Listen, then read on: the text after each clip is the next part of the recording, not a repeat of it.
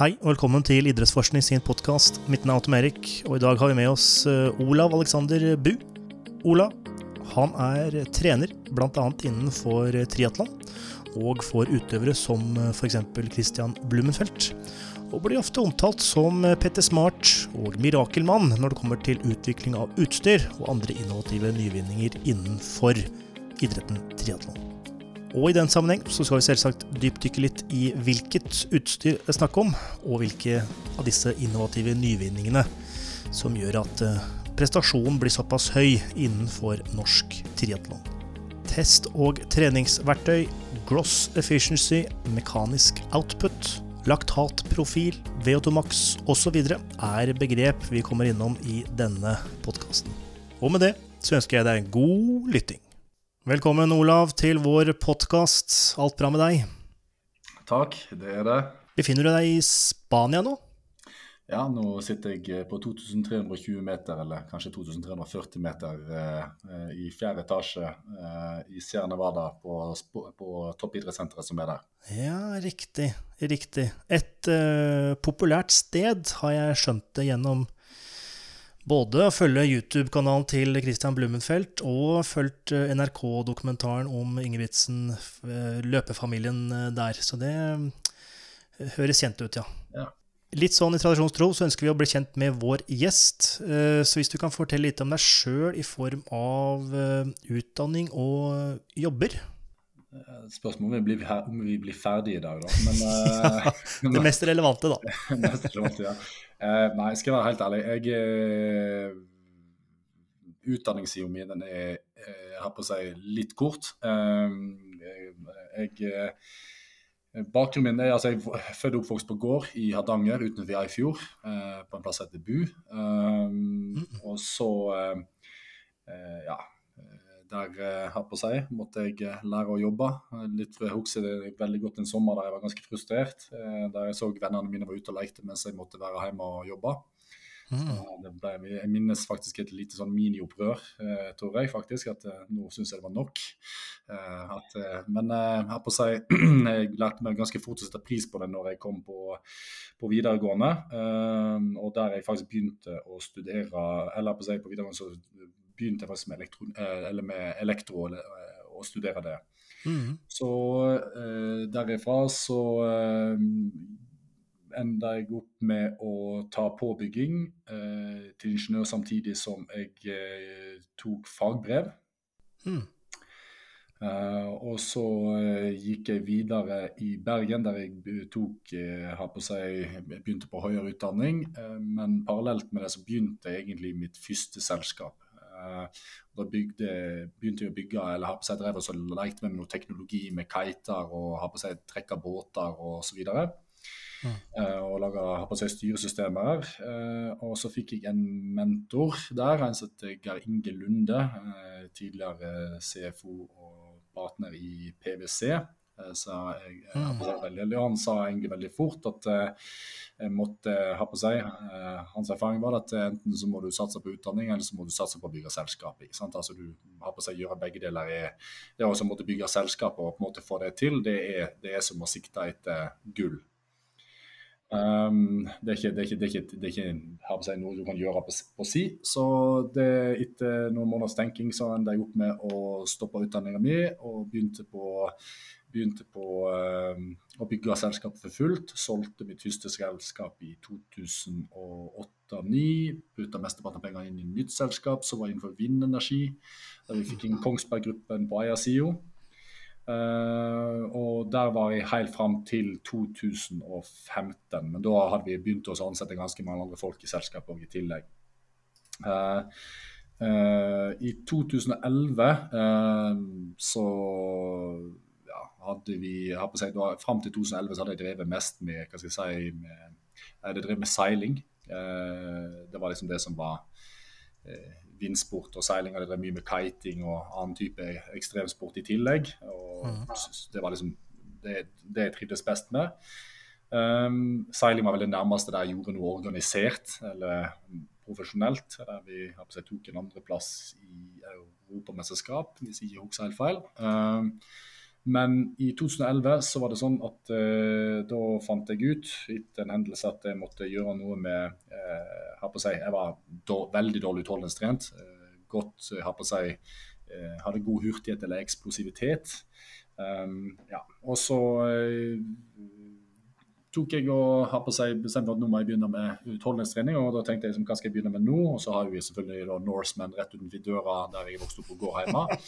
Da tenkte jeg Det er jo en sånn fin ting å gå til. Det er jo på en måte, det er, det er, du kan jo ikke finne noe som ligger mer i det andre enden av spektrumet enn har på seg eh, en triatlon og Norseman. Altså, fordi at det folk ikke tenker over, er at seiling er en eksplosiv idrett. og det er På storbåt er en eksplosiv idrett, for Da sitter du i ro på båten. Du gjør ingenting i utgangspunktet noe å sitte og ri ned båten, ikke sant? eller du, uh, eller du, altså, du har fokus på navigeringa.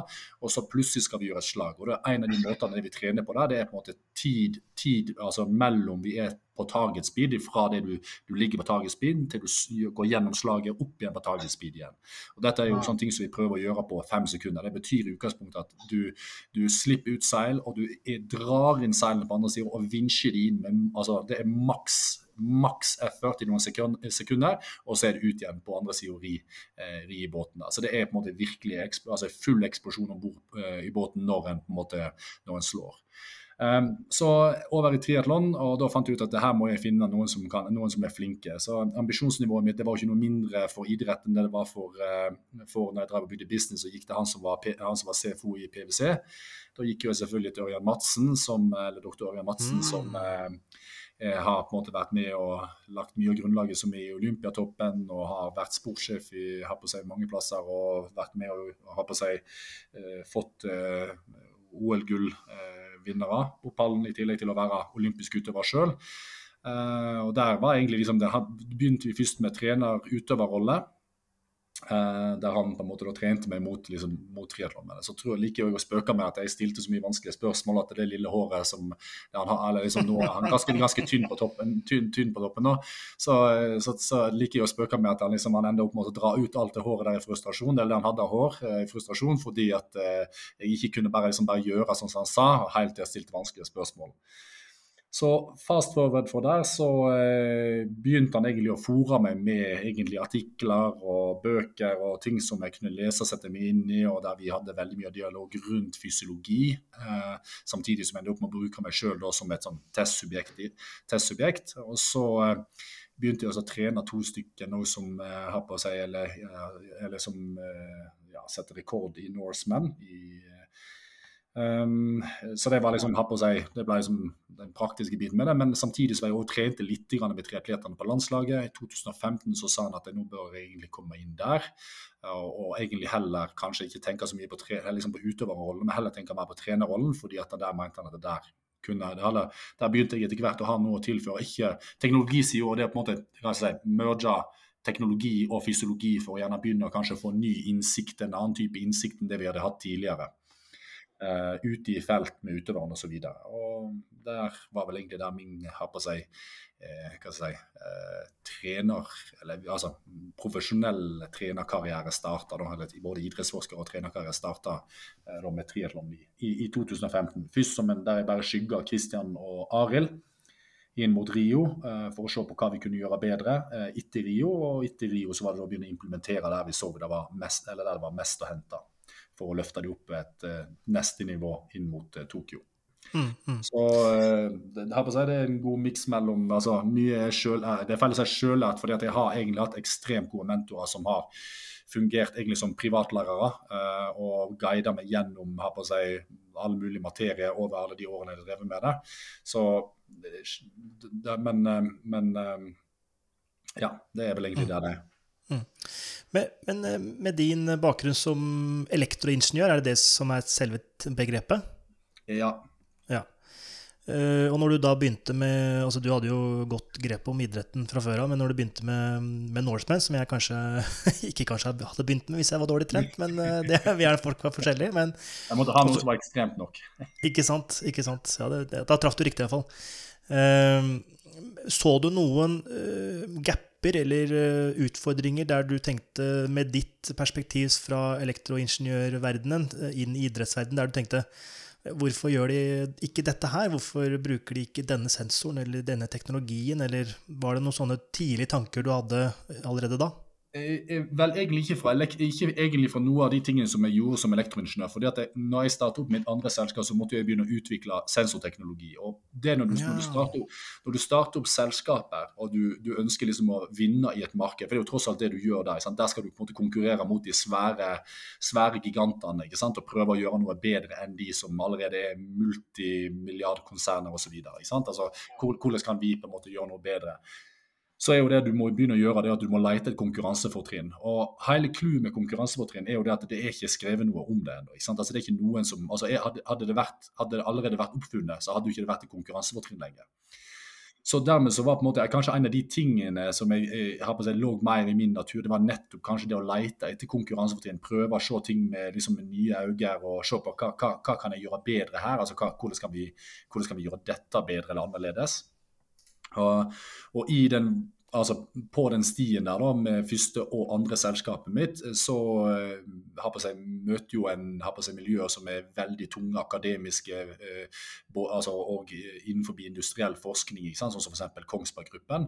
Eh, men du ser at det er jo ingen som kan gi det svaret på det du holder på med, eller det du prøver å finne ut av. Du er, du, det eneste du kan gjøre, er at du får, noen, du får gode sparringspartnere som på en måte kan ha på seg der du, der du er med og løser oppgaver. Og Så møter du nye utfordringer, så må du finne på en måte nye måter kanskje å løse de utfordringene på.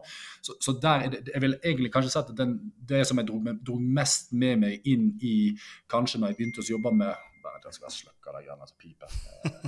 uh, så kan jeg si at det som, det som uh, jeg tror kanskje var min største styrke, var egentlig mer det å altså, jeg, jeg, jeg, jeg, var ikke bundet av regler, eller hva skal jeg si, av tankesett eller andre ting som var på en måte på en mine hoder, ja, men sånn funker det, og sånn funker det, og sånn funker det. Men du må heller på en måte prøve å forstå det.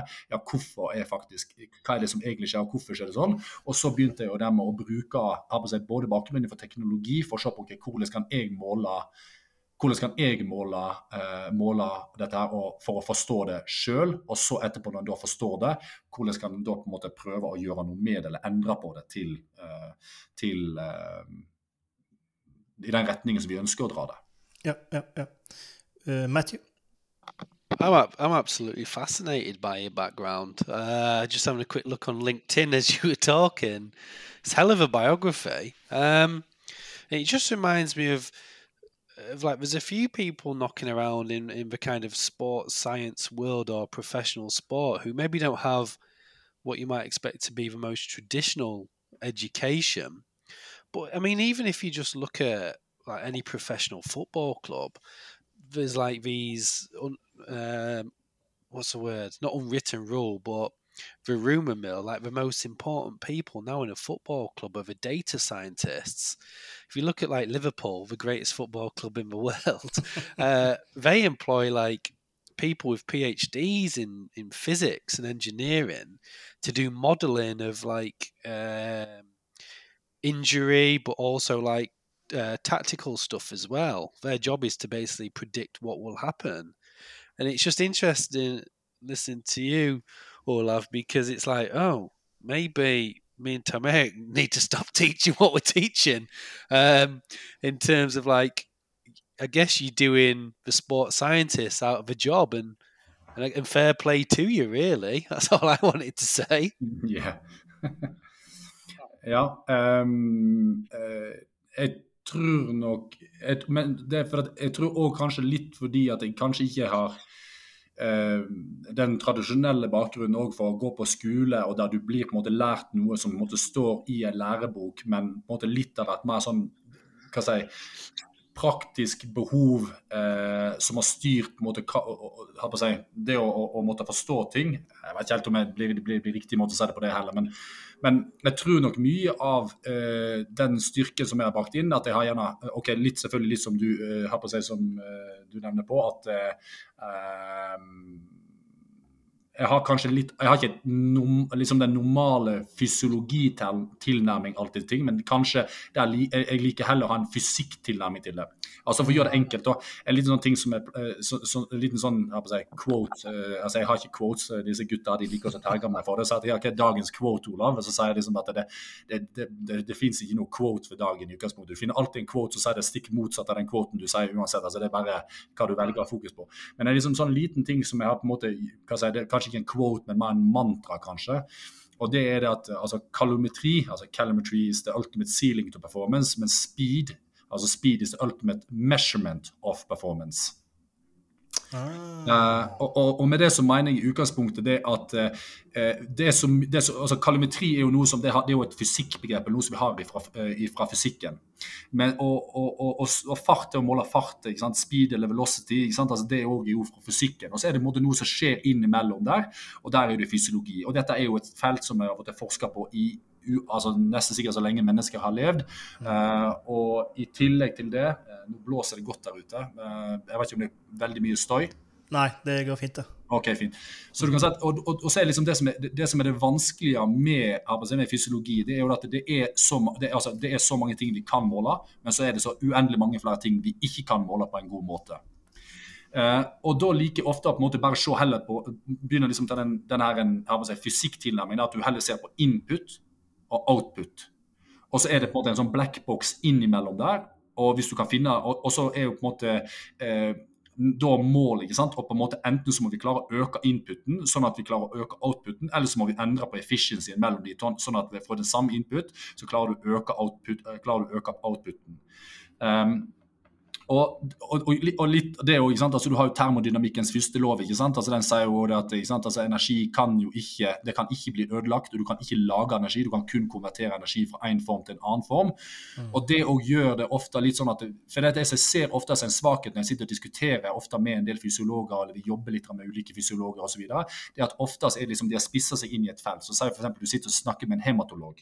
Så vil ofte en hematolog på en måte si at men skal vi øke måte, prestasjonsevnen her, så må vi gjøre noe med det hematologisk. For vi vet f.eks. Mm. at det er mer hemoglobin, mer oksygen. ikke sant? Altså det er I teorien skal du kunne øke for f.eks. det maksimale oksygenopptaket ditt.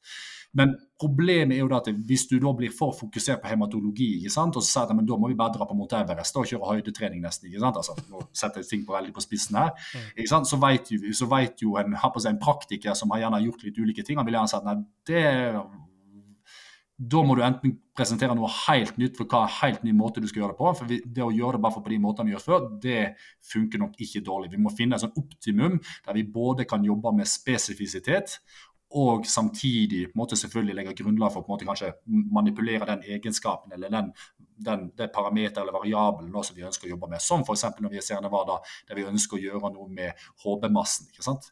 Mm. Men så kan du på en måte snakke med noen andre fysiologer, ikke sant? og så spør du de ja, hva skal til for å på en måte utvikle ditt eller utover. Og Da ser en ofte at de som har spissa seg inn på felt, altså det er ofte de tingene de, de, de, er på en måte de som spisser på, det er det som betyr det. Men problemet er at høydetrening er jo ikke, det er jo, det er jo et toegga sverd. Det er jo ikke sånn at liksom, det å bare kjøre høydetrening helt, at det er liksom suksessen. ikke sant? Altså, eh, du må liksom balanse, det, er mange ting som skal balanseres, og dette er komplisert. og Det er derfor jeg liker, og det er derfor vi gjør veldig mye testing og og praktisk testing i felt osv. Fordi at uh, den beste måten egentlig å forstå hva det egentlig som skjer på, det er kanskje på ene sida vi har gode metoder for å måle kalorimetri på, og vi har, gode måter, vi har kjempegode måter for å måle fart på. og Det er jo tross alt de to tingene der du ønsker å gjøre noe med. Altså Enten så må det heves taket, eller så må du heve efficiencyen, men med mål om at farten skal bli høyere i konkurranse. Så mm, mm. ja, Det er vel kanskje det har på seg, det perspektivet ofte faller tilbake på. Men så er det sånn at det som jeg synes er interessant med fysiologi, og hvor vi bruker veldig mye tid på fysiologi og leser fysiologi og prøver egentlig å få med meg det meste av det som er forskningsartikler og sånt. Og så har jeg veldig gode diskusjonspartnere. altså jeg har Ørjan Madsen har jeg eh, vekentlig og mer til dialog med. ikke sant? Øyvind Sandbakk eh, prater jeg vek, nesten vekentlig ja. med. Uh, uh, jeg har Morten Kristoffersen, jeg har, uh, altså jeg har, altså jeg Karsten Lundby. altså Jeg har mange jeg har mange, mange mennesker rundt meg som er ekstremt flinke. Noen er mer sånn Si, litt mer sånn, si, De har et godt, et godt, oversiktsbilde, og noen av de er ekstreme spesialister. Um, og det syns jeg er uh, For jeg, jeg, ønsker jo å forstå hvorfor er det vi klarer å endre på forholdet mellom input og output. ikke sant? Det ønsker jeg å forstå. ikke sant? Eh, mer og mer detaljert. og det, eh, Der føler jeg etter hvert at jeg begynner å få en grei oversikt over fysiologien og på en måte de tingene som ligger i, her på seg, imellom der i tillegg. Mm, mm, mm. Uh, Matthew? This is this is fascinating. It's it's just making me reflect on on our entire discipline, really. Um, me and well, I think you remember this, Tom Eric, but we have conversations a lot. Me and Tom Eric, because we share an office, and I always say like almost like sports science is just a context rather than a discipline, and sometimes I think like shouldn't really say it out loud, but sometimes I feel like we shouldn't teach sports science um, because what we should maybe teach is more pure sciences and then let people specialize in it even after masters. And so, what I mean by that is like, there's a really good strength coach I used to kind of shadow when I was a student, strength conditioning coach in England, but his background was in maths. His undergraduate degree was in mathematics, and he didn't specialize in sport until postgraduate. And he just had a better way of analyzing movement because a much better understanding of the basic principles of physics. And I guess I'm getting the same vibe from you, all. Olav, in terms of like, I guess it's better to almost be like a pure scientist. The sports science can come after, like the, like you said, you're just interested in winning the race. The the physiology can can come after, and you've got the opportunity to to rely on those extreme specialists. Basically, I'm not sure why I'm saying this out loud, but I feel like I'm I'm reflecting on our entire discipline and whether it should exist or not.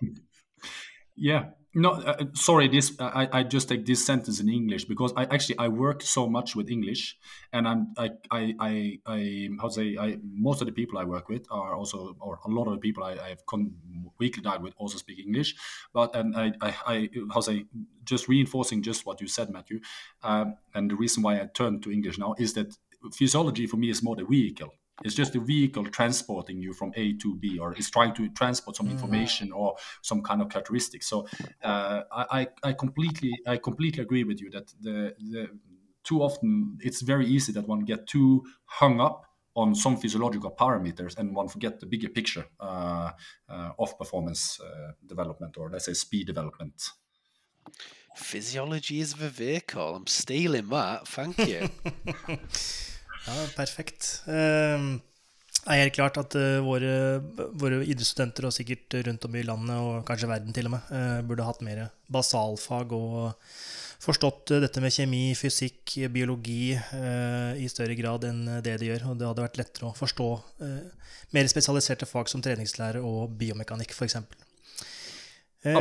Apropos det, så er jo det ja. en av de tingene for at det, Med teknologibakgrunnen min så jobber jo jeg i lag i, i, dag i lag med flere teknologileverandører. Altså jeg har kjempetett, eh, kjempetett eh, samarbeid med, eh, med Morten f.eks. Eh, litt av grunnen til det er for der gjør jeg masse spektrometrimålinger på eksogen eh, versus endogene eh, altså karbohydratforbrenning. Uh, under prestasjon. Uh, for det er jo en sånn ting som er virkelig, på, altså, virkelig er av uh, Spesielt volym, altså, ikke, Kanskje ikke så mye på olympisk, men lengre distanser, sånn som Christian og Gustav nå gjør i år, så er det en, en, en, en helt klar begrensning. Så det er jo rett og det er jo på en måte da, å se på hvordan skal vi spare de endogene eh, karbohydratlagrene, er noe som er kjempeviktig. Men der er det på en måte rent praktisk. altså Vi har helt spesifikke økter, og der de da blåser inn i en altså, Det er nesten, nesten som en liten sånn mini-Douglas-bag. Eh, mm. Og så på en måte analyserer vi gassen for å se på forholdet mellom karbon 12 og karbon 13, isotoper. For å se på forholdet mellom hvor mye det som er, blir forbrent endogent og exogent f.eks. Eh, holder på med dobbeltmerka vann ikke sant? Med, for å se på og, eh, altså, total kaloriomsetning eh, for disse gutta, men der med mål om at vi holder på å utvikle termisk, en termisk wattmåler fordi at, eh, og grunnen til det, Hvis du har en mekanisk vattmåler og en termisk vattmåler, så har du plutselig noe egentlig totalwatt, ikke sant? eller den totale eh, effekten ikke sant? som kroppen din omsetter til enhver tid. Altså, du kan tenke at Nå har du gått fra indirekte kalorimetri til direkte kalorimetri plutselig, men i felt. Eh, eh, det som, uh, men òg i tillegg til så utvikler jo vi si, noen nye wattmålere for løping. i tillegg. Jeg jobber med et selskap borte i USA som heter Stride, og der vi holder på nå med altså, helt nye wattmålere. Uh, som uh, både vi måler efficiency og vi For du kan si at Vi har jo den termen liksom, gross efficiency. så Det er jo litt den der forståelsen av okay, hva, er det, hva, hva, er det som skjer her. ikke sant? Uh, når, når, du har ute ulike intervensjoner og ulike perioder med trening. Men jeg liker egentlig å dele opp enda mer. det vil si at Når du har en wattmåler, så kan du på en måte dele gross efficiency opp i jeg vet ikke helt om det er riktig, riktig fagterm, men det er i hvert fall de termene jeg ender opp med å bruke sjøl. Liksom at du kan plutselig dele gross efficiency opp i det som jeg kaller biokjemisk efficiency og biomekanisk efficiency. Ja. Fordi at når, når, du da på en måte måler kalorimetri på den ene sida, enten indirekte eller direkte, og du har, og du har på en måte en wattmåler, så kan du plutselig nå se på forholdet mellom altså hvor mye er det som går til varme, og hvor mye er det som går til, til, til mekanisk arbeid. Sant? Og Her ønsker vi i utgangspunktet sånn, du kan tenke deg, Klarer du å øke For Christian og Gustav så ligger Gustav litt høyere, han ligger på rundt 21% i biokjemisk efficiency, og Christian ligger på 19 tror jeg. Ja, 21 da er ferdig. Jeg testa Gustav her nå forleden dag. Mens vi vet jo at det er jo en del syklister sant, som ligger gjerne kanskje rundt en 2-23% Og så har vi, har vi, selvfølgelig noen teorier om hvorfor det er sånn. altså Hvorfor er den forskjellen mellom triatleter og, og, og, syklister. og det er gjerne for Syklister er enda mer spesialiserte enn det triatleter er. altså De må, ha, de må være gode på å svømme, sykle og løpe. Uh, og så vet hun at det er en sammenheng mellom selvfølgelig litt mellom fibertyper, og så er det andre mekanismer i kroppen. ikke sant? For, altså, Hvordan du danner ATP-er og andre ting som, som med å virke inn på dette. her. Men, men det som er interessant, her, det er at klarer du å øke den biokjemiske efficiencyen fra 20 til 21 så er jo det en 5% forbedring. Mm. Eh, og det skal, du, skal ha, du skal ha en god økning i VO2 max, ikke sant? eller, eller hva si, total kaloriomsetning, ikke sant? Eh, eh, for, å, på en måte for å kompensere for det. Og På samme måte Norge. ikke sant? Altså Når du kan splitte det opp nå, og du har en intervensjon, så kan vi plutselig begynne å forstå hvor hen er det forbedringen er skjedd. Er det liksom en total økning i eh, si, i, i, i, kaloriomsetning, ikke sant? Eller, eh, eller er det, er det på si, den er noenlunde den samme, men vi ser at det er en forbedring i efficiency-en, I så fall hvor hen den forbedringen Er det biokjemisk eller er det biomekanisk forbedring som har på en måte skidd, skidd? Men det, er, men det er på en måte litt sånn, det er, det er litt sånn fysikk-tilnærming til det. Men så selvfølgelig hvis en finner ut at noe er biomekanisk, så er jo det interessant å måtte gå ned på og se på hva er det som har forbedret seg. Kanskje det er det vi har hatt fokus på. ikke sant? Så det er gjerne enklere svar på det. Eller vi, det var ikke det vi hadde fokus på, men det er likevel det som har forbedret seg litt. Og så prøve å forstå det. Eller hvis det er biokjemisk, så hva er det som har påvirket den? Er det endra noe her på kosthold osv. Så sånt. Så nå holder vi faktisk på med prosjekt prosjekt der vi skal begynne å måle mikrobiomene òg eh, i kroppen på dem, for å se på endringen der i form av at eh, vi holder på nå med å eksperimentere en del med karbohydrat eller karbohydratopptak. Eh, og, og, kanskje om det skjer noe der med, med, med mikrobiomet eh, i, i, kroppen, i lag med Haukeland, eh, Haukeland i Bergen. Mm. Eller HVL og Haukeland. ja. Ja, ikke sant. Eh, veldig, veldig interessant. Dette har jeg for så vidt tenkt over, men jeg har ikke tenkt at det er mulig å måle I Eller iallfall ikke enkelt. Um... Det, det, må, det, må, sannsynligvis Det er to ting som må gjøres der. Den ene biten er at jeg er redd for at eh, jeg må samle all avføring i løpet av, i løpet av en dag over flere dager, og så må vi brenne den avføringen for å finne ut hvor mye energi som igjen, kombinert mm. med eh, veldig nøyaktig måling av inntak, eh, tipper jeg. Men, men, dette er jo det disse, jeg har på seg, de som jeg jobber med nå. da, jeg har på seg, eh, De sitter nå og ser litt på hvordan vi kan gjøre det på en praktisk måte. Mm, mm. Men denne eh, balansen, da, altså hva som går til mekanisk arbeid, og hva som går til varme eh, Dette er mest sannsynlig kanskje et dumt spørsmål, eh, for jeg har ikke så mye peiling på det. men eh, en økning, Du vil jo helst ha en økning i mekanisk arbeid, for da får du mer output. ikke sant? Ja, for, for en gitt mengde kalorier. kalorier. Ja, ja, ja. Uh, men uh, det, der må det være et tak, må det ikke det? Altså, Du kan jo ikke øke og øke og øke den relative verdien i forhold til varmen. Uh, vil ikke den være ganske konstant? Du vil nok kunne øke noe, men mm. Hvor mye du kan øke den, det, det, det, vet jeg ikke. Altså, det er jo gjort en del studier på der de har sett på dette med, med gross efficiency. ikke sant? Og så har de der, de har, der det, er, si, mm, altså det, er, mye publikasjoner på det, og der ser at i svømming så er det veldig lavt. ikke sant? Så kan du spørre okay, hvor mye biokjemisk og hvor mye biomekanisk. En kan kanskje tenke seg at det er noe dårligere biokjemisk der også i tillegg, fordi at du har et større varmetap i et basseng. ikke sant? Dermed så, altså Kroppen må rett og slett bruke mer varme for å, for å regulere det. En kan tenke seg at klær kan gjerne ha en kan ha en effekt på det. ikke sant? Altså I varmen, i, altså i, i varme ikke sant? Eh, hvis kroppen må plutselig begynne å bruke mer energi på å kvitte seg med varme, ikke sant? og dermed så har du mindre energi tilgjengelig til mekanisk arbeid. Kanskje totale kalori, på seg, omsetningen går ned. Men, men altså, en, en, det er jo studier der en ser det at de eh, kommer altså Det er ulike tall som blir uh, publisert på det. Uh, selvfølgelig ikke, Det er ikke en sånn kjempestor spredning, men det er en spredning. Så kan du alltid spørre selvfølgelig uh, er det pga. Uh, forskjeller i målutstyret, er det pga. forskjeller i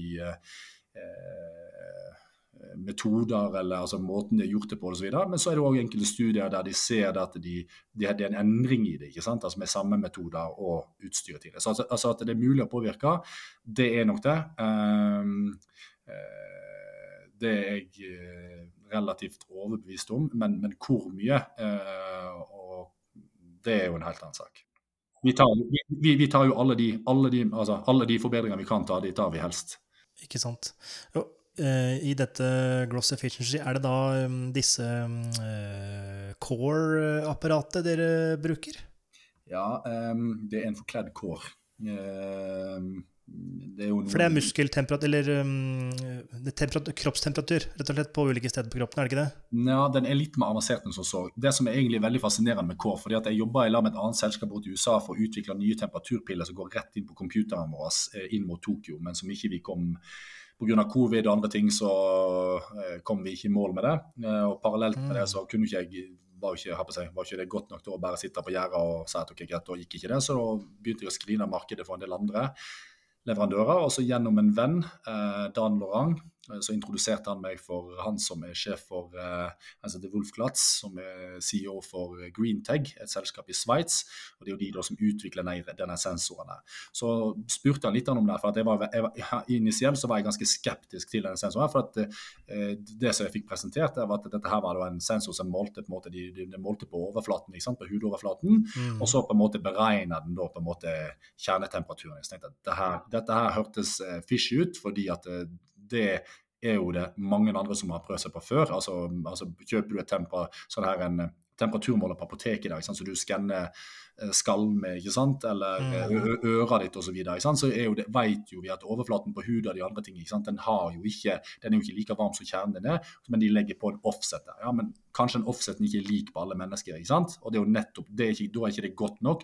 Og Problemet er at den offseten er jo ikke sikkert at den er konstant heller. at Den kan kanskje endre seg ikke sant? med høyere, med større, med mer arbeid og andre ting som kan være med å påvirke det. Så jeg må vite, jeg må vite hva kjernetemperaturen er. Spesielt når vi skal på en måte forberede utøverne på et OL som vi visste kom til å bli varmt. Da måtte vi vite at vi kunne stole på den teknologien eh, som vi brukte i tillegg.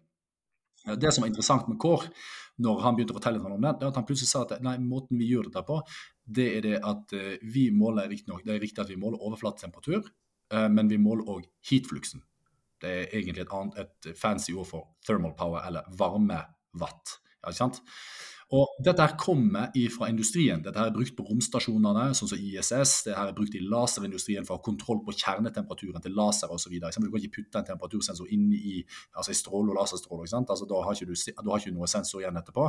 Så her må du sette den utenpå, og så må du vite, må du ha stålkontroll på hva som skjer inni i, i, uh, inni i kjernen der, eh, bokstavelig talt. Og det og det, det, Så lenge du vet når du, når du, måler for du kan tenke deg utgangspunktet, Hvis du, du tar en, et vindu, f.eks., det har jo et, varme, det har jo et varmetap.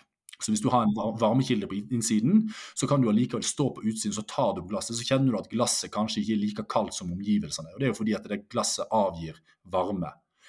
Um, og når, det, betyr jo at når du setter en bolle, så kan du måle en temperatur. Men fordi det avgir en varme, altså for at det faktisk skal kunne avgi en temperatur på utsiden, eller ha en høyere temperatur på utsiden, så betyr det at det må også avgi en varme. Og Det er jo nesten som i kokeplater. ikke sant? Altså det er noe avgir, Kokeplater der, liksom, der skrur opp temperaturen noe enormt ikke sant? for at det skal avgi veldig mye varme, som blir overført til en panne eller andre ting som uh, står oppå der. Og Det er jo det som òg skjer her. at Den sensoren her, den, den gjør, da, det er at den måler overflaten til temperaturen på vinduet på utsiden. men så fordi den måler òg hvor mye varme det vinduet her faktisk avgir. Mm. Så kan du si noe om kjernetemperaturen. X-faktoren her er nå, X-faktoren her nå, det er isolasjonsverdien til, til, vinduet. Men fordi at dette her er produsert på spekk og mål, så kan du på en måte sette en sensor på innsiden og utsiden, og dermed kan du si noe om hva, hva, liksom, om hva isolasjonsverdien til vinduet er. Så det, dette er jo grunnen til at dette blir brukt i industri og andre ting, nettopp for å vite isolasjonsverdien til bygget og ene med andre i tillegg. På et menneskesett er det litt mer komplisert, fordi vi kan ikke, vi kan ikke svelle en sånn sensor han på innsida av kroppen og en på utsida. Altså, den, den, den, den, er litt for firkanta og litt for eh, klumpete til det. Så der må du på en måte heller bruke da, maskinlearning eller andre ting for å begynne å, på en måte forstå litt okay, hva er det altså, eh, men, men den men, men den, altså svakheten, altså grunnen til at den, den, sensoren ofte, eller kan vise kanskje litt annen temperatur, det er ikke fordi at ikke målemetoden er fornuftig, for det er den i aller høyeste grad. Men det er mer det at det, kan, noen kan ha litt mer fett på kroppen, noen litt mindre fett på kroppen, ikke sant, sant, som kan skape en offset mellom disse, mellom disse verdiene. Det er det ene. Men hvis du har ei pille og du måler kjernetemperaturen din, samtidig som du måler på utsiden, så kan du korrigere isolasjonsverdien inni der. Dette er ikke noe som er tilgjengelig for det åpne markedet. utgangspunktet. Det du kjøper der du får det sensoren her, så får du den sånn som det, og så er den basert på en statistisk isolasjonsverdi til en person. Det betyr at den vil gjerne være litt mer off på utrente mennesker enn den vil være på trente mennesker med noe lavere fettprosent. For den trent, algoritmene er på en måte eh, trent hovedsakelig på godt trente og toppidrettsutøvere.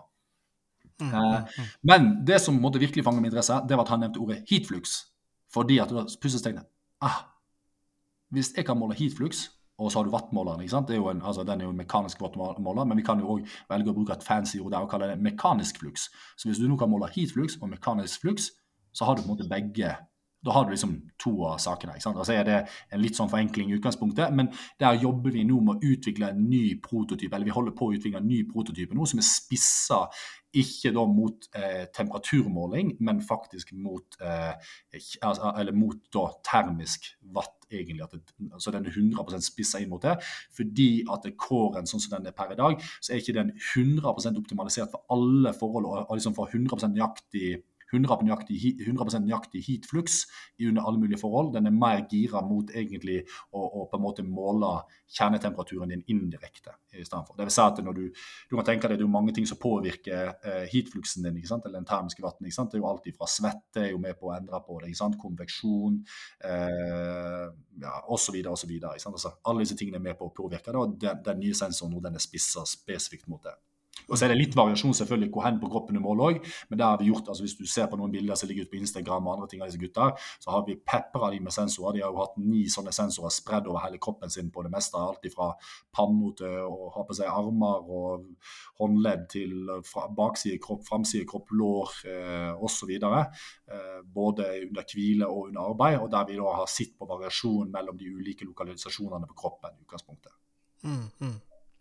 Men øh, når du f.eks. Øh, har med dine utøvere, eller eh, de utøverne du har ansvar for, og dere er på et Ironman-arrangement rundt om i verden, om det er Hawaii eller andre steder, øh, og dere har på disse sensorene, f.eks., er det noen som tenker 'hva er poenget', eller noen som tenker rister på hodet at 'herregud, hvorfor bruker jeg energi på det her', det er ikke noe vits i', eller har du møtt noe sånn skeptisk eller motgang eller uh, riste på hodet uh, når, når, du prater om dette her, eller når du viser fram utøverne dine, eller de ser på videoen, eller ja, etc.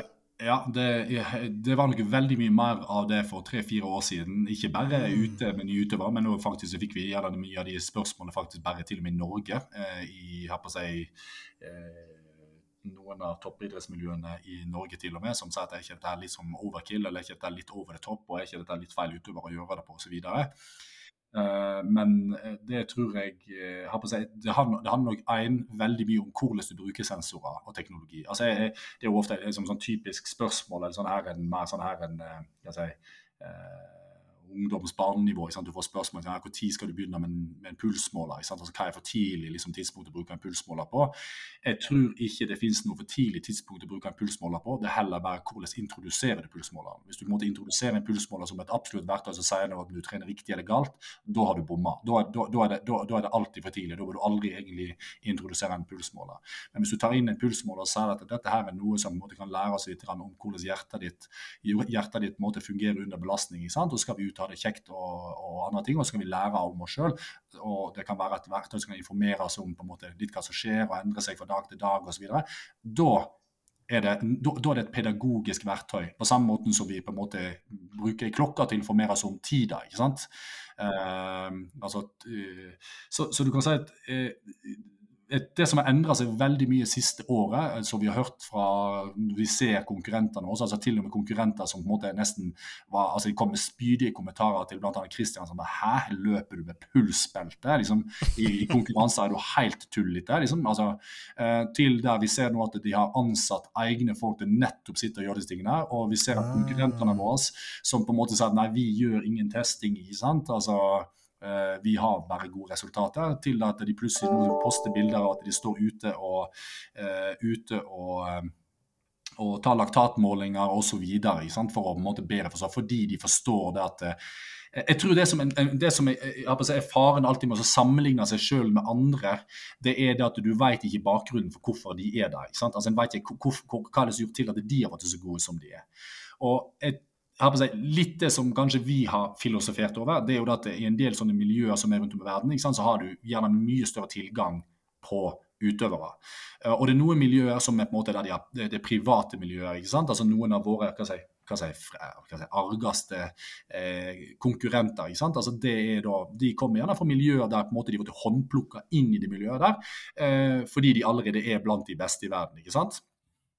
Mens det er jo ikke en situasjon som vi står oppe i. Altså vi, vi, har de utøverne som vi har. og vi har, det, er ikke, det, det er ikke veldig mange altså Norge er et lite land og har på seg det enda færre triatleter uh, og nye triatleter som, som, kommer til. og da, liksom det, da, må vi gjøre det beste ut av de triatletene. Og jeg tror at et, du kan ikke ha ett program som vil gjøre alle, alle triatleter eh, like gode. Du er nødt til å individuelt tilpasse deg, sant? fordi at en er ulik. En, en, en er ulik, ikke sant? Altså Det er bare å gjøre en muskelbiopsi, så ser du at folk er ulike. Mm. Uh, og, en, og, og, det er mange andre ting som spiller inn i tidlig. Og Når en da begynner med individualisering og bruker sensorer nettopp ikke for å fortelle at noe er galt eller riktig, eller se hva han gjør, så må du òg gjøre, men heller se på hva, hva, er det liksom, Oi, her har du en god prestasjon i dag. ikke sant? Og så Hvordan ser dataen ut i dag? Oi, det ser sånn ut. Dette var interessant, for dette skiller seg litt fra det vi har sett kanskje på noen andre ryktene. La oss prøve å reprodusere akkurat disse tingene. Så får du et mer spissa fokus kanskje på de tingene som er styrken til, eller som kanskje kan være en styrke, men som ikke en kanskje har vært like bevisst på. Um, så dermed kan du øke kvaliteten, være med på å øke kvaliteten på det, på, det, liksom, på, det, arbeidet som en da gjør, for større individualisering. Og det kanskje blir mer spennende for utøverne òg, fordi at de forstår at det her er liksom ikke bare OK, Kristian han var liksom den første og den beste. ikke sant? Og liksom skal, ja, men, dette har jo funka på Christian, ikke sant? så det er bare å gjøre sånn som han. altså det vil, det vet vi, det funker ikke. Uh, mens, og jeg tror mye av grunnen til hvorfor vi står i dag med den topp ti beste, altså tre, tre topp ti beste utøverne på herresida i verden i dag, er jo nettopp fordi at altså Ser du på Christian Gustav og Kasper, så ser jo ikke de litt like ut. ikke sant? Altså, Kasper ikke sant? slank og høy. ikke sant? Eh, Eh, Gustav han eh, på en måte har eh, typisk liksom mer sånn løpebein, ikke sant? Sånne, gode løpebein, ikke sant? men så har han mer svømmeoverkropp. ikke sant? Mens mm. Christian han har jo på en måte, han blir jo litt lurt av, ikke sant? for han, har, han har, ser ut som han er ganske kraftig overkropp, ikke sant? men det er jo fordi han har en, en brystkasse ikke sant? som er, er, er, har på seg utvikla på en litt spesiell måte, som peker litt mer utover, sånn litt større lungevolum.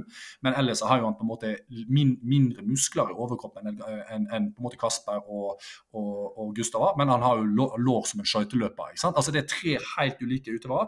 Allikevel har vi klart å individualisere på en sånn måte at vi, vi, vi, vi har fått opp tre stykk topp ti i verden. ikke sant? Uh, og det, det, handler om, tror jeg, én, uh, det er å forstå på en måte hva er det som gjør hva, er styrkene til utøveren, så du holder ved like på det, og, og hva er svakhetene, og, og hvordan jobber vi med det, og hva funker og hva ikke funker, ikke sant? Eh, fordi vi måler det. Eh, og ikke minst at det gjerne er motiverende òg, for utøveren skal ikke undervurdere at dette her også er selvfølgelig motiverende. Mm. Vi ser at vi investerer i det, vi ønsker å forstå hva er det som utgjør en forskjell uh, mellom utøverne. Altså, vi, vi, vi, standardiserer ikke noe, gjør ikke noe tilfeldig. Vi gjør det uh, vi har jo ikke svaret, men det er jo derfor vi også bruker teknologi. For at det skal være med på å hjelpe oss å forstå eh, hva Nei, dette funka ikke så bra som vi hadde tenkt. Ok, fint, men nå mål, har vi målt det. Så da er jo spørsmålet ok, er det fordi vi har gjort noe, at vi må endre på noe lite her for at vi ikke har gjort det riktig eller gjort det godt nok. ikke sant? Eller er det bare at ja, dette, kanskje, kanskje, vi må endre det litt mer i den retningen der, og så plutselig så begynner du å se at oi, dette responderer den utøveren der på. ikke sant? Og så er det mange ting som spiller inn der. ikke sant? Altså, jeg tror det er vanskelig å separere fysiologi og psykologi og i tillegg. De, er, de, henger så tett sammen uh, at uh, begge deler må på en måte være på plass. Mm, mm. Og Det siste du nevner her, synes jeg er veldig interessant, og det har du nevnt tidligere også, dette med fysiologi og psykologi. Uh, når jeg da følger har fulgt eller gjennom Google-søket mitt, da, både på å se på Christian Blumenfeldt sin YouTube-video og din Instagram-konto og andre eh, artikler der ute eh, som omhandler dere eller deg, eh, så har du jo en del tester på det fysiologiske. Altså laktat, eh, Veotomax, eh, eh, core, som vi snakket om i dag, eller nå i stad. Eh, men på det psykologiske, det, hvordan tester du det? Hvordan monitorerer du det? Du, det gjør vi egentlig gjennom altså Jeg bruker jo veldig mye tid med disse utøverne her. jeg, jeg, bør vel kanskje ikke si dette høyt, men jeg tror jeg har vært nesten mer med utøverne siste perioden enn det jeg har vært hjemme. Men, men, men, altså å ha på seg jeg har, jeg, har, jeg har, på seg Min kjære, hun er hun er helt unik, her på seg, og her på seg tar vare på våre to små. men jeg tror Her på seg et psykologi for meg eh, handler jo aller mest om at eh, når du er veldig mye med folk, så merker du noe med, nå merker du, altså Sammen med vennene dine og andre ting, så merker du om noen, noen har det bra, eller om de ikke har det bra. Og Du ser det på humørsvingninger og andre ting. ikke sant? Altså Om de er motiverte, eller om de er litt sånn øh, motiverte, ikke sant? tunge osv. Mm. Uh, og, og så er ikke jeg sånn jeg, jeg, er ikke jeg er ikke jeg er ikke redd for å stille spørsmål uh, og være direkte. Uh, jeg, jeg, foretrekker egentlig det.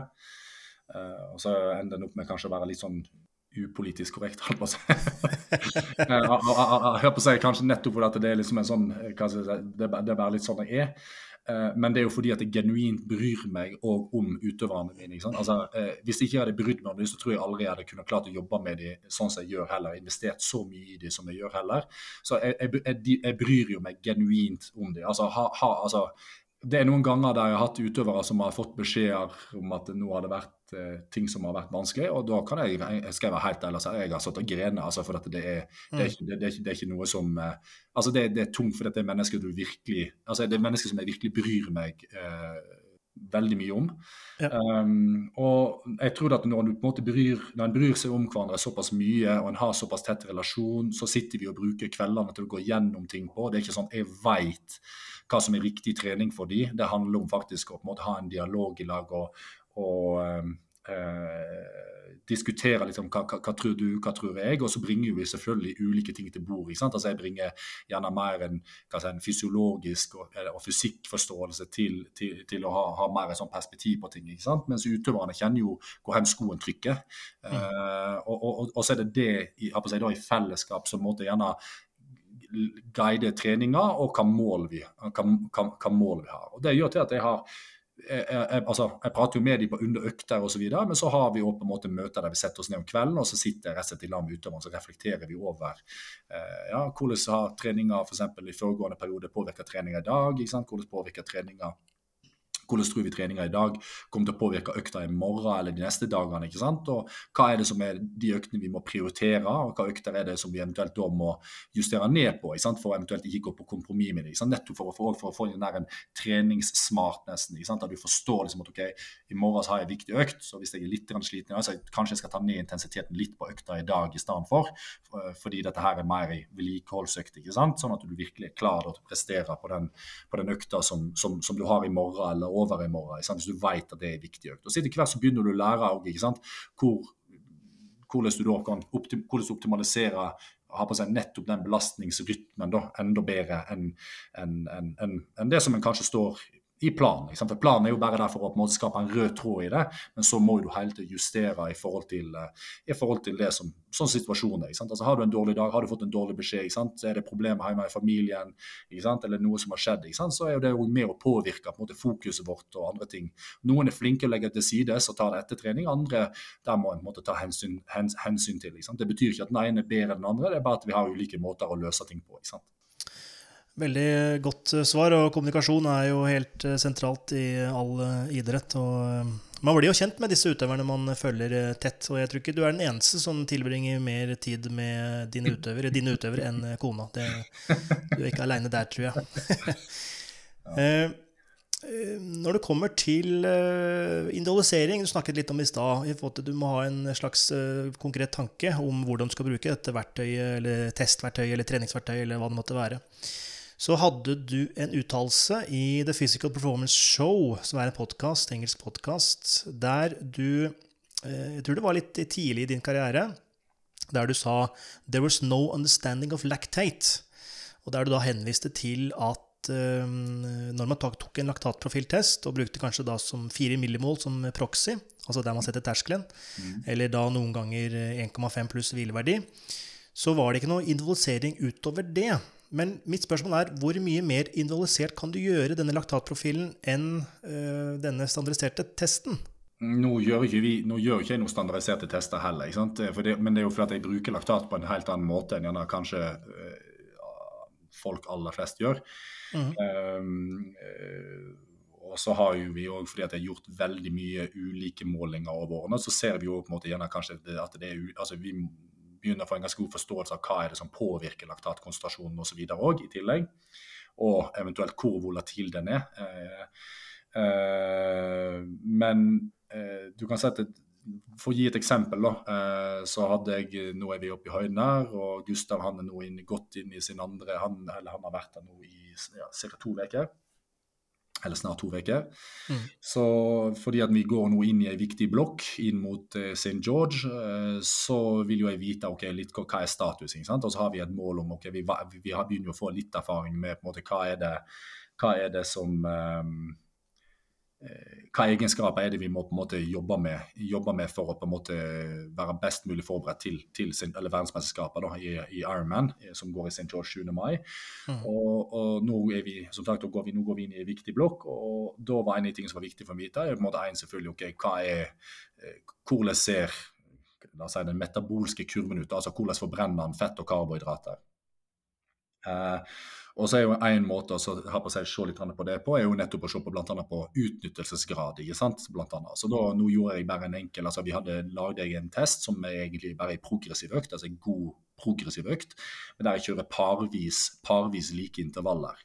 Så ser jeg egentlig bare ser jeg, dragene såpass lange at du vet at det, det er tett på, la oss si altså, Du vet at det, det samsvarer kjempegodt med, med, med, MLSS eller Maximum Steady State når du begynner å få et hopp fra det ene intervallet til eller si, fra, fra det første parviset til det andre parvisintervallet, f.eks. Hvis vi er litt ulike, så, så, skipper vi en økning på det tredje, går på tredje opp på det tredje. Da, da, bare holder vi det likt på, den, på eventuelt på tredje intervallet, bare for å se okay, var det bare en, opp, en liten svingning opp, og så svinger ned igjen, eller er trenden rett og slett nei, den går opp, og det, den følger samme, altså, samme, samme økning. ikke sant? Eh, og så er det jo sånn at vi bruk, altså, bruker noen sånn, bruker og, eh, også se på eh, laktat La oss si Hva blir det riktige norske ordet for det, da? Eh, altså Laktat blir jo produsert i musklene, ikke sant? det blir jo ikke produsert i blodet. altså Det blir jo produsert ja. i, i, musklene. ikke sant? Og så vil jo du dermed òg få på en måte noe demping. Du får jo dermed demping òg, for at laktat er jo òg en karbohydrat ikke sant? som kroppen forbrenner. Mm. Uh, og Det betyr jo at det du måler i blodet, er, er med aller høyeste sannsynlighet en la, eller ikke aller høyeste, det, det, det er en lavere verdi enn det som er produsert i musklene. Du vil aldri kunne klare å måle like høy verdi sannsynligvis i blodet enn i forhold til det som skjer i muskelen. Men du kan likevel kanskje si noe om laktatproduksjonen ved å på en måte hvis du kjører et steady state-intervall, eh, og der du da integrerer for tid etterpå. At du ser på hvor, altså, Dette var verdien før, dette var verdien etterpå, dette var så lang tid intervallet var, og så kan du si noe om laktatproduksjonen i tillegg ikke sant? over, over har på seg det intervallet. Eh, og da, og da er Eh, litt det som jeg da gjør i dag, for eksempel, er at da, da ser jeg nettopp på Da kjører vi så, såkalt asyklisk, asyklisk eh, progressive intervaller eh, som ligger har på seg rundt der eh, Gustav da følte at ok, ja, terskelen ligger her nå, det ser vi når vi gjør målinger ute i feltet, at der er det steady seg. Så gjorde vi i laben. Så, så sa vi at ok, greit, da, da, på en måte bygger vi intervallene rundt det, så får du god progressiv, da kaller jeg god progressiv I3 til I4-økt i utgangspunktet. Mm. Og det er jo en god økt. Og det er arbeidstid på ca. 64 minutter minutter. Uh, altså intervalltid på ca. 64 minutter. Uh, hvis, ja. Og så er det um, og så eh, avslutter vi med rett og slett med en ramp altså med til, til VO2 max egentlig på, e, e, egentlig på slutten. der. Som òg er konkurransespesifikt for olympisk triatlon, for der løper, du, der løper du rundt terskelen. Men så kommer jo den der, du vet jo at hvis du ligger der i lite fell, så må du måtte dra til den spurten ikke sant? på slutten òg. Så de som får den spesifisiteten at du, liksom, du, du, får god arbeidstid, men så må du liksom dra til, eller liksom klare å mobilisere på, mobilisere på slutten i tillegg.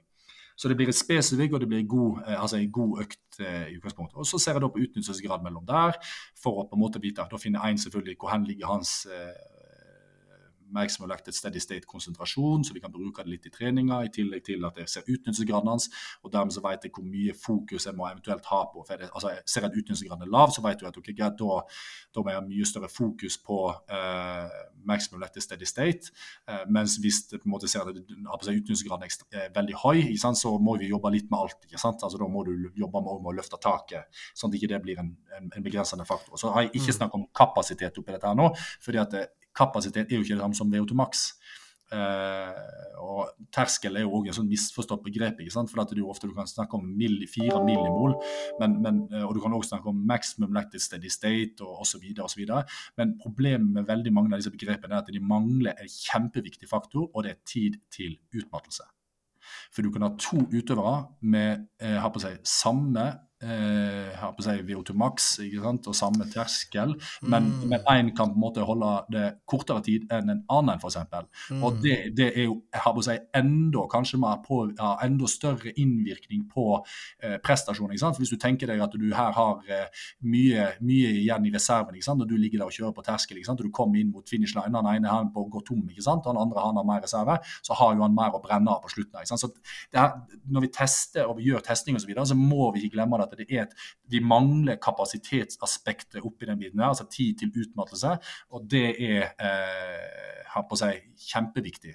Og så må du ha tuna på en måte disse tingene. Så for at VO2 max, terskel osv., det er for meg mer egentlig bare størrelsen på motoren. Det handler bare om hvor egentlig efficiency-en efficiency og størrelsen på motoren. Derfor er jeg ikke så veldig opptatt egentlig av VO2 max i seg sjøl, utover at det handler om at du tuner, du tuner, motoren. Men så må du tune motoren etter kapasiteten, og seg da måte, hva er kravet i den konkurransen du skal, du, du skal på en måte kjøre i.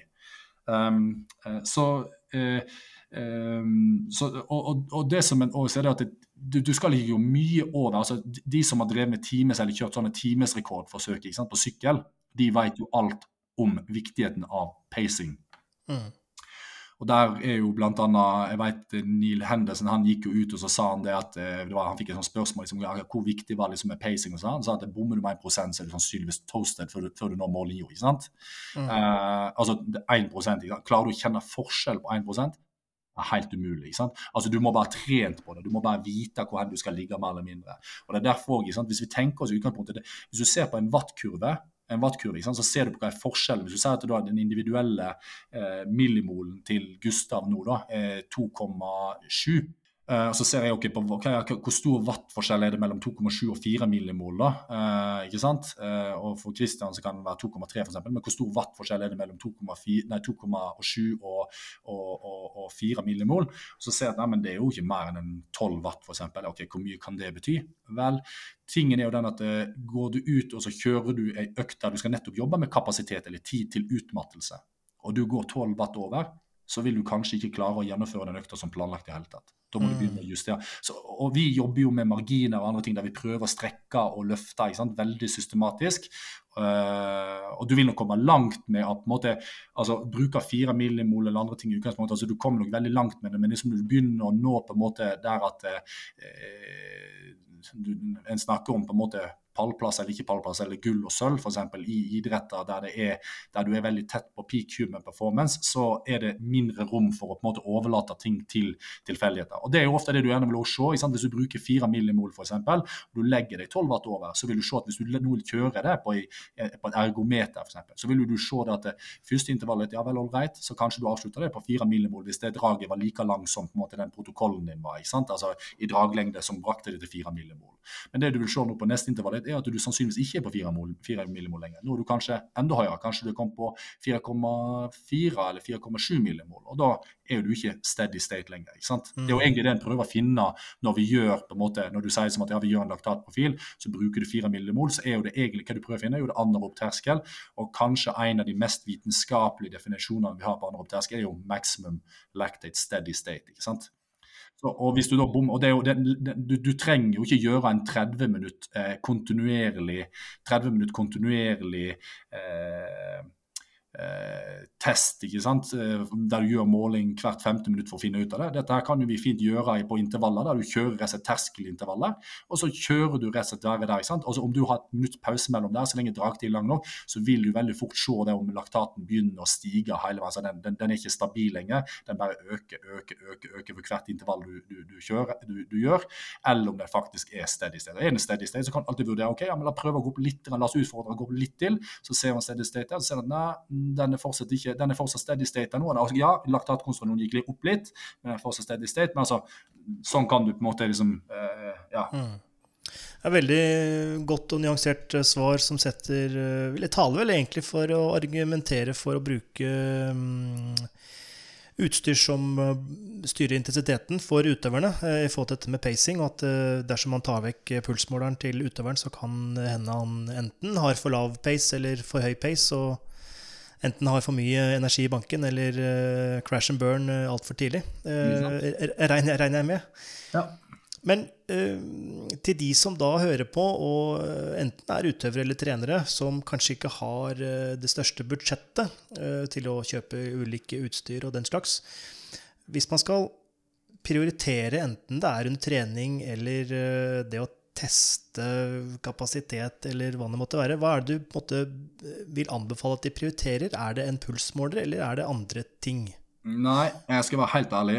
De to, hvis, hvis jeg skulle gitt det altså Det som jeg må komme tilbake det, Nå er det gått veldig inn med laktat og bruker mye laktat osv. Altså, den ser det liksom sånn oppsving i, i, i, det å bruke laktat. Skal jeg være helt ærlig, så er laktat ganske komplisert. Grunnen til at det er komplisert, er fordi at er veldig, det er veldig sensitivt for uh, for eh, forurensning. Det betyr jo altså Du kan si bare sånn som svette, da, f.eks.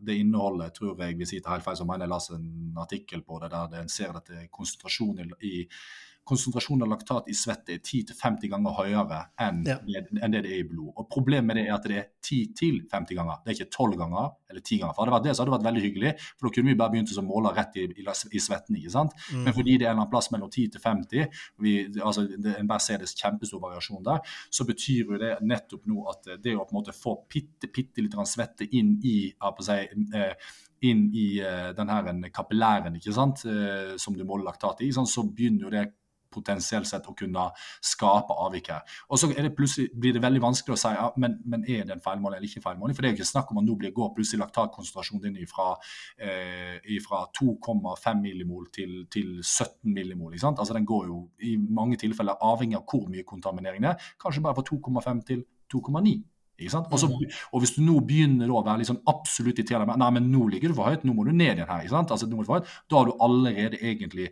gjort vondt verre med den laktatmåleren der. ikke sant? Så Dermed så er på en måte laktatmåler det er noe som skal, Mitt beste råd er ligg under laktatmålere hvis du ikke er der at du, du liksom begynner å leite etter konkurransefortrinn for å forbedre liksom de siste prosentene. Skulle jeg gitt ett råd til de beste testverktøyene som eksisterer i verden, de beste verktøyene som er i verden, hvis du liksom ønsker nettopp å teste på en måte ok, okay utnyttelsesgrad, eller la oss si altså effekt Altså, Husk på at VO2 max er jo bare, et, det er jo bare et effektparameter. Det forteller jo mm. bare indirekte om hvor mye kalorier du klarer å forbrenne per tid. ikke sant? Uh, uh, og, og, dermed så kan vi si at det, det, det, det er kun et power. altså det, er kun en du kan regne kalorier om til watt. ikke sant? Altså, det er bare et ren effektparameter. Altså, Kalorier er jo definert som hva det, eh, det, det tar én kalori for å bringe en liter vann fra 14 til 15 grader i det er 15 graders temperatur. og sånne ting. Altså, det er, mm. altså, Dette er en ren fysisk, ren, altså en ren fysikkterm. ikke sant? Uh, så du kan si at når du er der du virkelig må liksom begynne å grave i, liksom i, prosentene og desimalene for å på en måte klare å kanskje prøve å bli litt bedre, ja, da kan det være hensiktsmessig å begynne å bruke tid på laktat og virkelig investere i det. Men skal jeg gi et råd som du kan på en måte fint produsere, og så er det produsert massevis av verdensmestere med, og olympiske mestere på over tida, det er egentlig kanskje, og det finnes så mye bra publikasjoner på det, og det er critical velocity og critical power kombinert med W prime eller D prime. Det er kanskje noe av det beste som er, men ikke bli for overfokusert på nødvendigvis på critical power eller, eller, critical, pay, eller critical, velocity, det i seg selv, for det er ikke der gullet ligger. Gullet ligger i én, det at du kan på en måte se er det en, får du en, altså, en, for Der tester du virkelig kapasitet. Du tester, du går ut på en hastighet, og så skal du holde den til du når utmattelse. ikke sant? Altså Det finnes jo ikke noe bedre måte å teste kapasitet på. ikke sant? Og så skal du gjøre det ved litt ulike varigheter. ikke sant? Korte og lengre varigheter. Og så vil jo du få en kurve her, og typisk det du vil gjerne se, det er at kortdistanseutøvere de har på en måte, de har på en måte eh, gjerne et veldig Kortdistanseutøvere de har et, en mye steilere kurve. ikke sant? Altså Det er mye større ratio eller drop-off mellom f.eks. Eh, hvis du tar, tar kortdistanseløper, da, så vil det være en mye større drop-off i f.eks. i 100 meter, 100 meter tid, 200 meter tid, 400 meter tid altså 1500 meter tid, enn det vil være f.eks. For, for en langdistanseutøver som vil gjerne ha mye mindre drop-off mellom hastighetene de, altså fra kort til lang, til, til lang, hastighet. ikke sant? Og nå kan du plutselig òg i tillegg, det som er genialt med dette, det er jo at det, alle som har konkurrert, og de som er på ditt nivå, der ligger jo resultatene ute sant, for stevner og andre ting. Så du kan på en måte ta gjerne på en måte Southgay. han her, dette her er en virkelig virkelig god utøver. Sant? Hvordan ser, hvordan ser eh, eh, hvordan ser på en måte kurven hans ut. ikke sant? Så la oss si at du, nå, nå, skal mitt mål, nå skal jeg slå, nå skal jeg slå f.eks. Eh, ja, hvilken som helst utøver. ikke sant? Altså, eh, ikke sant? Så, så, så, da, ikke sant? så, tar du, så tar du tidene hans, så ser du liksom, hva har løpt eh, f.eks. Eh, 200 meter på, ikke sant? hva har han løpt 400 meter på, ikke sant? hva har han løpt 1500 meter på. Ikke sant? Så tar du tiden og plotter inn der. ikke sant? Så ser du oi, kurven hans den ser sånn ut. Og det som er interessant er at Du vil gjerne se det at 1500 meter utøvere har veldig lik kurve. Veldig veldig, veldig lik kurve. Vi så på svømmere faktisk inn mot OL nå. Eh, og Det som er litt nesten fascinerende, at det er, kurvene kan du nesten legge oppå hverandre, og det blir ei jevn linje på når du på en måte sammenligner 1500 1500 meter. De, altså, hvis du tar de olympiske mesterne og verdensmesterne, kun de, så tar du kurven hans, og så sammenligner du eventuelt med andre utøvere, så vil du se at de som har vunnet, de har nesten altså, så å si identisk kurve. Eh, hvis du gjør det samme for en, for en 400 meter løper, så vil du se at den, kurvene deres de ser ganske identiske ut hvis du ser over sidesyklene. En liten sånn implikasjon med det det er at du kan ikke plukke på en måte de beste stevnene over et år. Du må på en måte plukke stevner som er gjort innenfor et, si, kortere tidsrom. For Det du gjerne gjorde for for, eh, for, et år siden. Ikke nødvendigvis det du klarer å gjøre i dag. og Dessverre så er det også sånn at eh, du kan jo med trening endre nettopp disse egenskapene her. Sant? Ved at du på en måte, Nå er det 200 meter stevne som er viktig jeg skal inn på, så nå, nå må jeg på en måte fokusere mer på 200 meter hastighet. ikke sant? Konsekvensen av det, spesielt når du er på et høyt nivå, er jo at, gjerne at kanskje tidene på, på, på, på, 400 eller 800 eller 1500 gjerne vil bli dårligere fordi du blir bedre på, på, seg, på 200 meter. Ikke sant? Altså Utnyttelsesgraden hvis du hadde gått i en lab, så ville du si at utnyttelsesgraden hadde blitt dårligere. Eh, men, men, det er jo det du kanskje trenger nettopp hvis du, når du begynner å bli virkelig, virkelig kortdistanseutøver. Men det er jo alltid et optimum her. Men Derfor så er på en måte bare en GPS en GP, for løpere. GPS løper på en bane og på en måte eh, har på seg klokka gjør f.eks. en 200 meter eh, eh, Eller kanskje 400 meter, for den saks skyld. Gjør en 400 meter kanskje vel så enkelt. Eh, men si en 400 meter, en 1200 meter og en tre kilometer, altså whatever. Altså, men, men, noe der du må ha noe med litt med kort varighet, noe med litt mellomhastighet, ikke sant? og noe med enda lengre hastighet, enda, enda lengre varighet, der du løper all out og prøver å peise deg selv så nøyaktig som mulig. Altså Kommer du inn på to, altså Sier du sier at okay, nå er det 3000 meter eh, jeg går for, ikke sant? Og, og så legger du ut der, så, så bør ikke du på en måte virkelig dra til siste runden. Da må du heller bare løpe lenger, og så må du heller på en måte se hvor langt klarte jeg å komme før jeg nådde utmattelse. ikke sant? Altså du løper det er viktig, viktig, å holde en jevn pace eller en jevn watt enn å på en måte liksom skal låse det til en tid i utgangspunktet. For det, det handler om på en måte å, å, å på en måte se på en, en, viss hastighet eller en viss watt, og på en måte måle den til utmattelse ved ulike, ulike varigheter. Da. Og det, det, tror jeg så, så GPS, wattmåler, to beste verktøyene som finnes i verden for, for, å på en måte få et kjempegodt bilde gjerne på Brukt riktig for å få et kjempegodt bilde på nettopp hvordan eh, ser ting ut. Mm, mm. Veldig bra. Uh, Matthew? What about any subjective measures if you don't use any equipment at all? Um, hvis du ikke altså, som, altså, hvis du bare er ute og du løper og har på seg um, RP er vel mye brukt, kanskje? Ja, vi bruker, vi bruker RP ganske mye sjøl òg. Altså, jeg spør alltid utøverne hvordan, hvordan belastningen, belastningen For igjen så er det sånn at uh, det kan godt være at Kristian trenger, vet at han trenger for et spesifikt stimuli, og så er vi ute på økt, og så ser jeg at ok, han ser jo, nå ligger jo han rundt eh, bare for å bruke det som eksempel igjen, nå, maximum elected steady state, hvis det er det vi har jobba litt med. Og så, ser han at, så ser jeg at det er typisk her, jeg føler meg kjempebra. ok, eh, eh, ja, Du vet jo at det her er lang økt, ikke sant? Eh, så kan du da stille spørsmålet skal vi da prøve å strekke litt til, eller vet jeg at han òg trenger kanskje at han kan godt jobbe litt med litt hastighet over, så slipper jeg. Så det, det er derfor også, altså, alle sånne målinger det er alltid med skjønn i utgangspunktet, og det baserer seg veldig mye på hva tilbakemeldinger òg får fra utøverne mens vi holder på, i kontekst av hva er det vi ønsker å utvikle i den perioden der. Men eh, hvis du ikke har tilgang altså De fleste har jo tilgang til, til GPS-klokka i dag. ikke sant? Altså, mm. men, men altså, la oss si for moro skyld at du ikke har det heller. Eh, nei, Da er jo det på en måte å bruke sunn fornuft. Jeg ville jo anbefalt i utgangspunktet at all, de aller fleste de trener nok altfor hardt. egentlig. Altså Mosjonister og andre ikke sant? Altså de eh, som går inn i januar måned med gode nyttårsforsett. ikke sant? Altså Jeg tror mye av grunnen til at mange faller av, er fordi de rett og slett de trener for hardt. Altså De går ut, og så når de først går ut og trener ikke sant? og har litt motivasjon for det, så kjører de rett og slett på altfor hardt i utgangspunktet. Konsekvensen av det er jo at du blir jo kjempegod på å forbrenne karbohydrater. ikke sant? Og Det er jo kanskje ikke det en ønsker å bli best på. ikke sant? Vi vet jo at Når du går over terskel, så, så er, jo, er, jo, det primært karbohydrater du, du, du, altså kroppen baserer seg på. ikke sant? Eh, Mm. Det, altså det er det den forbrenner. ikke sant? Og det, det er jo en sånn kjempeenkel læresetning. ikke sant? Altså Du blir god på det du trener på. ja, Da blir du god på å forbrenne karbohydrater, da kanskje. ikke sant?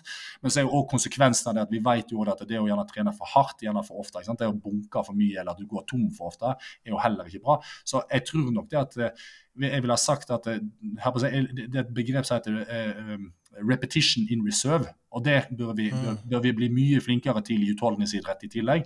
At en bør alltid tenke at en, må, en på så å si jeg vil si 90% av øktene som en gjør, enten de er harde eller de er rolige, så bør det alltid være, være en del i reserve. Og Er det rolige økter, så bør det helst være sånn at du har lyst til å komme ut og løpe, løpe en runde til. altså. Eh, altså det, det, for det, du kan tenke deg at det er ikke den ene økta det er ikke den ene økta som på en måte gjør det bedre. Altså, det er en som Simon Sinek han hadde, sånn, han hadde sånn her en eh, det var en sånn liten ting som jeg har blitt sitert mange ganger. Det som har at ok, ja, Hvis du går liksom på trening og, og, og liksom forventer å komme hjem, og du, og du kommer hjem og du ser deg selv i speilet, så vil du ikke se noen endring. Ikke sant? Mm. Og hvis det er det som er målet ditt, så vil du sannsynligvis bare gi opp ganske tidlig. Men tingen er at hvis du gjør noe igjen og igjen og igjen og igjen altså Det vil ikke være noe endring i dag, det vil ikke være noe endring i morgen, det vil ikke være noe endring i overmorgen. Men når du gjør noe nok ganger, ikke sant, så blir du god på og du vil begynne gradvis å se endring. Og Det er jo den endringen vi egentlig alle sammen ønsker å få. Men problemet er at hvis du går ut og så en, seg, tømmer du deg sånn mye at den neste dag du skal ut på trening, så går du og gruer deg til å gå på trening, for du vet at det kommer til å være med blodsmak i kjeften. ikke sant? Altså Hvor mm. motiverende å komme seg ut, og plutselig så mister du nettopp denne, denne consistensyen. ikke sant? Så det å hele tiden holde litt mer igjen, og heller tenke at vet du hva, i dag skal jeg trene sånn at jeg har lyst å gå ut og trene i morgen eller i overmorgen. ikke sant? da plutselig blir det noe helt annet. Så, så det å på en måte jeg har på å si, RP, ja, men òg på en måte repetitions in reserve. Eller, altså, altså, det å tenke at du skal ha så og så mye, jeg skal ha 20% i reserve, eh, 20-30% i reserve når jeg er ferdig med økta, det tror jeg er òg en sånn viktig ting å på en måte lytte til kroppen. altså gjerne, ok, ja, Du går ut litt for hardt i starten, men da må du heller gjerne gi det litt tidligere. ikke sant? Sånn at du tenker at ok, nå er det et fint tidspunkt, jeg har lyst til, det, det hadde vært kjempedeilig å løpe et par intervaller til, men jeg gir meg nå for at jeg skal gi meg på topp. ikke sant? Sånn at du virkelig har motivasjon til å glede deg litt til neste økt, så du går ut og trener igjen. Så følelse, det er eh, å bruke følelse, det er jo der, der link, linker du inn dette med psykologien ikke sant? Og, mm. og, og, motivasjon, og det er jo kjempeviktig for eh, prestasjonsutvikling. Mm, mm, mm.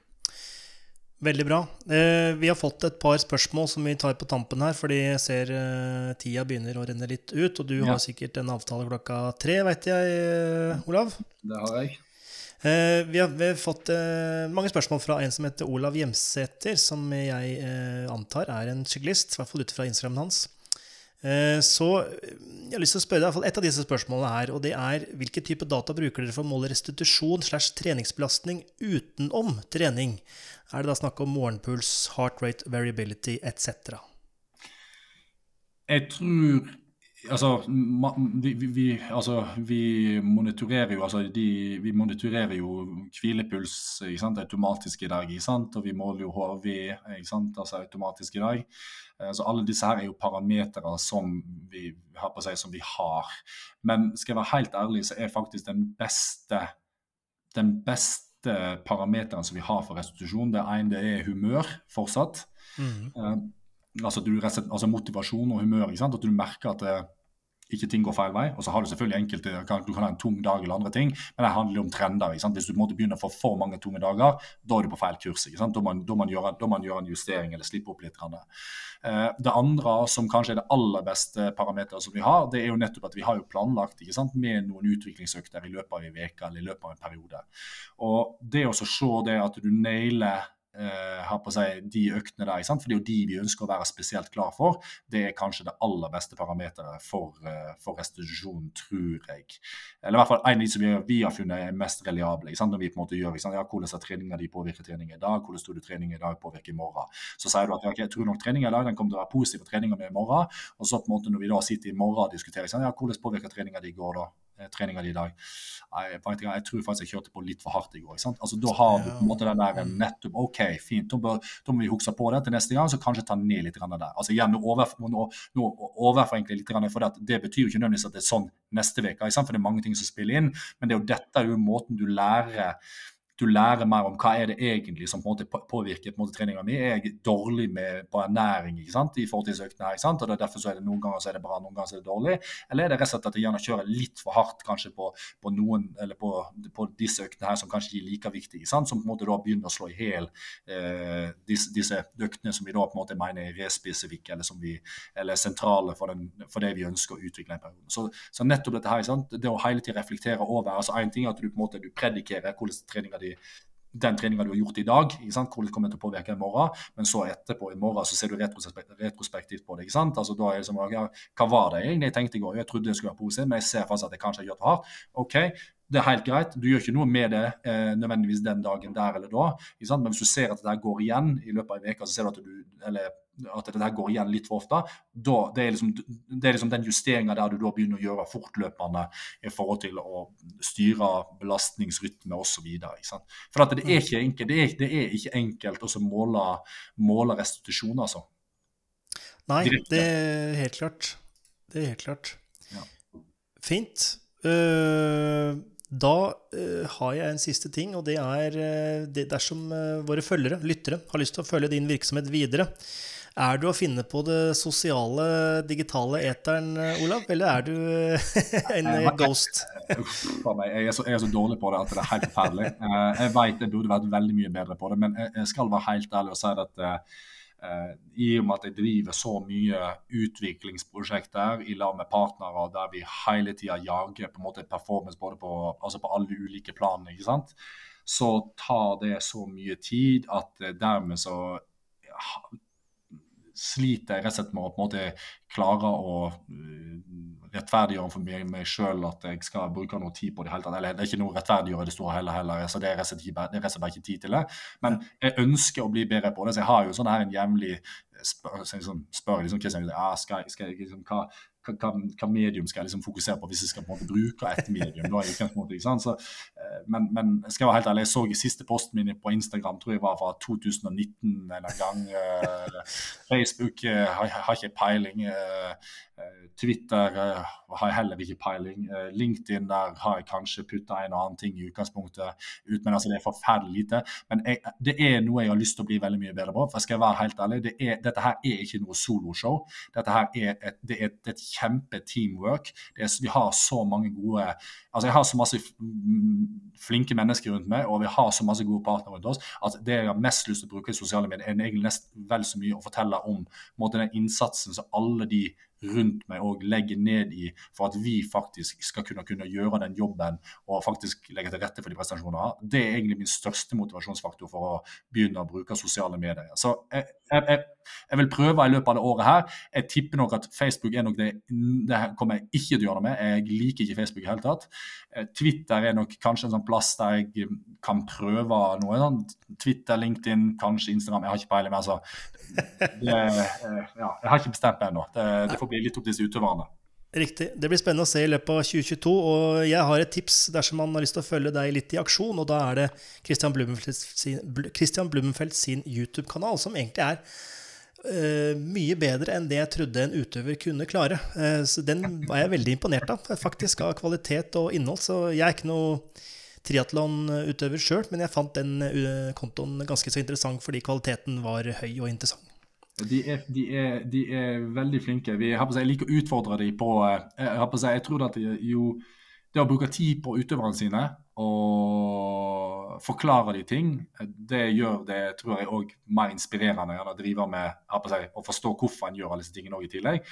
Og Kristian og Gustav og Kasper, Solveig, Stine, Lotte, Vetle altså Alle de er i dag altså de er, de er skarpe utøvere, altså. De er skarpe fordi de, de, de forstår eh, Kristian kunne nok ha stilt, eh, stilt, en, eh, stilt mange uh, utdanna folk i Gustav altså Alle disse kunne nok ha stilt vanskelige spørsmål, for å si det sånn. altså. Mm. Så, og er det mange ganger? Jeg må bare si at dette her må jeg sette meg ned og lese på. Jeg, jeg, jeg veit faktisk ikke. Altså, det, ja. Det, og det gjør det kjekt for meg òg. Ja, ja, absolutt. Da vil jeg til slutt eh, takke for praten, Olav. Dette har vært eh, meget innholdsrik, og eh, vi har fått utforsket en verden både teknologisk og idrettsmessig som jeg ikke var like godt kjent med før vi starta. Så takk for det. Det jo kjempehyggelig.